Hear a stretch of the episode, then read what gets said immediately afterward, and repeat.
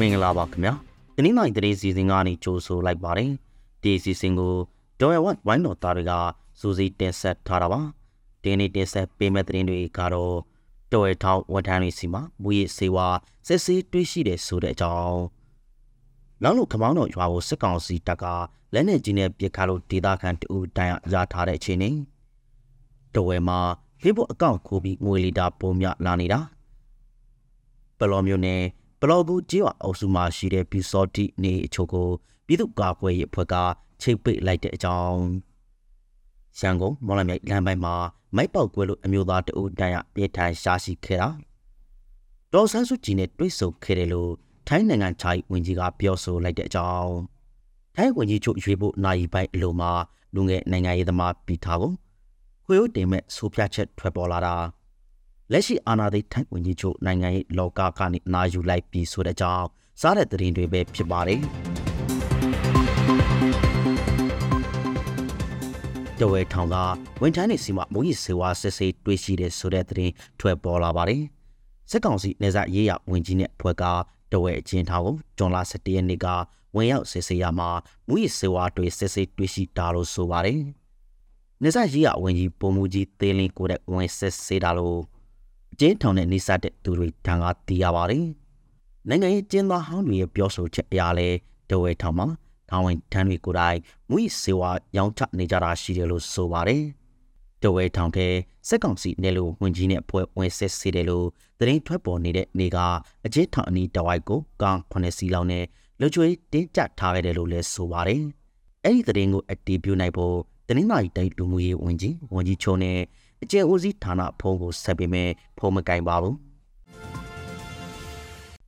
ဒေါင်းလို့ခမောက်တော်ရွာကိုစက်ကောင်စီကလက်နက်ကြီးနဲ့ပစ်ခတ်လို့ဒေသခံတအူတန်းရထားပါတယ်။ဒီကနေ့ဇူလိုင်လ10ရက်မနေ့ပိုင်းစက်ကောင်စီကားလေးစီးနှခမ်းတော်ရွာကိုရှောက်လာပြီးတောင်ထေတနေရာမှာနေရာယူလိုက်ပါတယ်။အဲဒီတောင်ထေကနေလက်နက်ကြီးနဲ့ဒီကနေ့မနေ့9နာရီလောက်မှာစတင်ပစ်ခတ်ခဲ့ပါတယ်။လက်နက်ကြီးကြီးအချို့ဟာခမောင်းတော်ရွာတဲ့ကြောက်ပောက်ကွဲခဲ့ပြီး ဒေသခံအမျိုးသမီးတအူတန်းရထားတယ်လို့ဆိုပါတယ်။မနေ့10နာရီလောက်မှာတော့နှစ်ဖက်ပြန်လာပစ်ကတ်တမ်းမျိုးထွက်ပေါ်ခဲ့သေးတယ်လို့ဒေသခံတွေကဆိုပါတယ်။ဒေသခံတွေကတော့ထွက်ပြေးတေးရှောင်နေကြရပါတယ်။တဝဲမှာ Facebook အကောင့်ခိုးပြီးငွေလေတာတွေပိုများလာနေပါတယ်။လက်တလောမှာတော့တဝဲမျိုးကစီးပွားရေးလုပ်ငန်းရှင်တူနဲ့သူ့ရဲ့လုပ်ဖော်ကိုင်ဘက်အခြားစီးပွားရေးလုပ်ငန်းရှင်၅ဦးရဲ့အကောင့်တွေကိုခိုးယူခံထားရပါတယ်။ အကောင့်လေးတစ်ခုကို Messenger မှာတစ်ဆင့်ပေးပို့လာတာဖြစ်ပြီးအဲ့ဒီ link ကိုနှိမ့်ပြီးရပါနေ။ပေးဖို့အကောင့်အခိုးခံလိုက်ရတာဖြစ်ပါတယ်။အကောင့်ခိုးခံရတဲ့သူအနေနဲ့ကိုယ့်အကောင့်အခိုးခံလိုက်ရတာကိုမသိနိုင်တဲ့အနေထားနဲ့ခိုးယူပြီးအသိမိတ်ဆွေတွေစီ wait money လိုမျိုး online ငွေပေးဝန်ဆောင်မှုကနေတစ်ဆင့်ငွေကြေးချိယူတာမျိုးကိုလိုဆောင်ကြပါတယ်။ဤပညာကျွမ်းကျင်သူတွေကတော့မသိငါစရာလင်းတွေပို့လာရင်ရုတ်တရက်မနှိမ့်ကြဖို့နဲ့ ပို့လာတဲ့သူစီဖိုးဆက်မေးမြန်းကြဖို့အကြံပြုတိုက်တွန်းထားပါတယ်။မသမာသူတွေအနေနဲ့ Facebook အကောင့်ကိုနီလန်းနှမျိုးနဲ့ခိုးယူလေးရှိကြပါတယ်။ကိုစီပိုးလာတဲ့လစ်တွေကိုနှိမ့်မိပါက Facebook နဲ့စင်တူရှုံမာဖြစ်အောင်ဖန်တီးထားတဲ့ website တစ်ခုထဲရောက်သွားပြီးကိုအကောင့်ရဲ့ password တွေကိုခိုးယူကြတာပါ။ဒုတိယနီကတော့ link ကိုနှိမ့်မိတာနဲ့ကိုဖိုထဲမှာရှိတဲ့ဘန်ကောက် password တပ်ဖို့တွေကအစားလို့အချက်အလက်အားလုံးကိုခိုးယူကြတာပါ။မြန်မာနိုင်ငံမှာနေပညာ ဆက်သွယ်ရေးကွန်ရက်တစ်ခုခုအသုံးပြုပြီးလေးလဲတာကိုဥပဒေအရတားမြစ်ထားပေမဲ့ရေးယူမှုအပိုင်းမှာများစွာအားနည်းနေပါတယ်။အထူးသဖြင့်အာနာသိပြီးနောက်ပိုင်းပိုပြီးအားနည်းလာပါတယ်။ပလော်မျိုးနဲ့ပလော်ကိုကြေးဝအိုစုမှာရှိတဲ့ပီစော်တီအေအချို့ကိုခြေပေးလိုက်တယ်လို့ပြည်သူ့ကာကွယ်ဖွဲ့တစ်ခုကထုတ်ပြန်လိုက်ပါတယ်။ပလော်ကိုကြေးဝအိုစုထဲမှာပါတဲ့နိုင်ရင်တောင်ရွာကပီစော်တီနေလေးဆောင်တဲ့ဥယျာဉ်ချမ်းတစ်ခုကိုခြေပေးလိုက်တာလို့ ထုတ်ပြန်လိုက်တာပါ။ကရင်အမျိုးသားကာကွယ်ရေးတံပတော် KNDO နဲ့ပူရိယခအညီနောင်မဟာမိတ်တာကပြည်သူ့ဘက်အနေနဲ့သိလိုက်တာလို့ဇူလိုင်လ17ရက်ကထုတ်ပြန်ခဲ့တာဖြစ်ပါတယ်။ဘလော့ဂိုဟာပီစော်တီအဖွဲ့အကောင့်နဲ့ကြီးရွာတီရွာလည်းဖြစ်ပါတယ်။နေချစ်ပိတ်ခံရတဲ့ပီစော်တီအဖွဲ့ဝင်တွေကတော့သူတို့ရဲ့နေတွေမှာမရှိကြပဲဘလော့ဂိုမှာစူပြီးတွားနေကြတယ်လို့ဆိုပါတယ်။စစ်ကောင်စီဘက်ကလည်းတက်ကြွအလှရှားသူတွေနိုင်ငံရေးသမားတွေရဲ့နေတွေကိုချိတ်ပိတ်တာတွေရှိပါတယ်။ ရန်ကုန်မော်လမြိုင်လမ်းပိုင်းမှာမိုက်ပေါက်ကွဲလို့အမျိုးသားတဦးတိုင်အပြင်းထန်ရှားရှိခဲ့ပါတယ်။မော်ဘီနဲ့တထိုးမျိုးနဲ့မီနီကိုကြေးရွာအနီးရှာကိုမော်လမြိုင်တွာလန်ပိုက်မှာပောက်ကွဲခဲ့တာပါဇူလိုင်လ17ရက်မနက်9နာရီလောက်မှာပောက်ကွဲခဲ့တာဖြစ်ပြီးဘေးတွဲဆိုင်ကမောင်းလာတဲ့အမျိုးသားထိမှန်ဒဏ်ရာရသွားခဲ့တာဖြစ်ပါတယ်ဘေးတွဲဆိုင်ကမောင်းတဲ့အသက်45နှစ်အရွယ်အမျိုးသားရဲ့ဝမ်ဘိုက်ပေါင်နဲ့ခြေသလုံးတို့မှာဒဏ်ရာပြင်းထန်ရရှိခဲ့တာပါ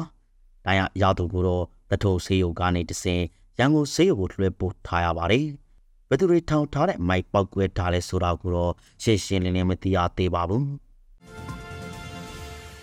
ဒေါ်ဆန်းစုကြည်နဲ့တွေ့ဆုံခဲ့တယ်လို့ထိုင်းနိုင်ငံသားဝန်ကြီးကပြောဆိုလိုက်ပါတယ်။အင်ဒိုနီးရှားနိုင်ငံဂျာကာတာမြို့မှာကျင်းပနေတဲ့အာဆီယံနိုင်ငံချိုင်းဝန်ကြီးများအစည်းအဝေးမှာအခုလိုပြောဆိုလိုက်တာပါ။ဒေါ်ဆန်းစုကြည်နဲ့တွေ့ဆုံခဲ့တယ်လို့သာပြောဆိုပြီးအသေးစိတ်ကိုတော့ထုတ်ပေါ်ပြောဆိုတာမရှိဘူးလို့ကျိုးတို့သတင်းဌာနမှရေးသားထားပါတယ်။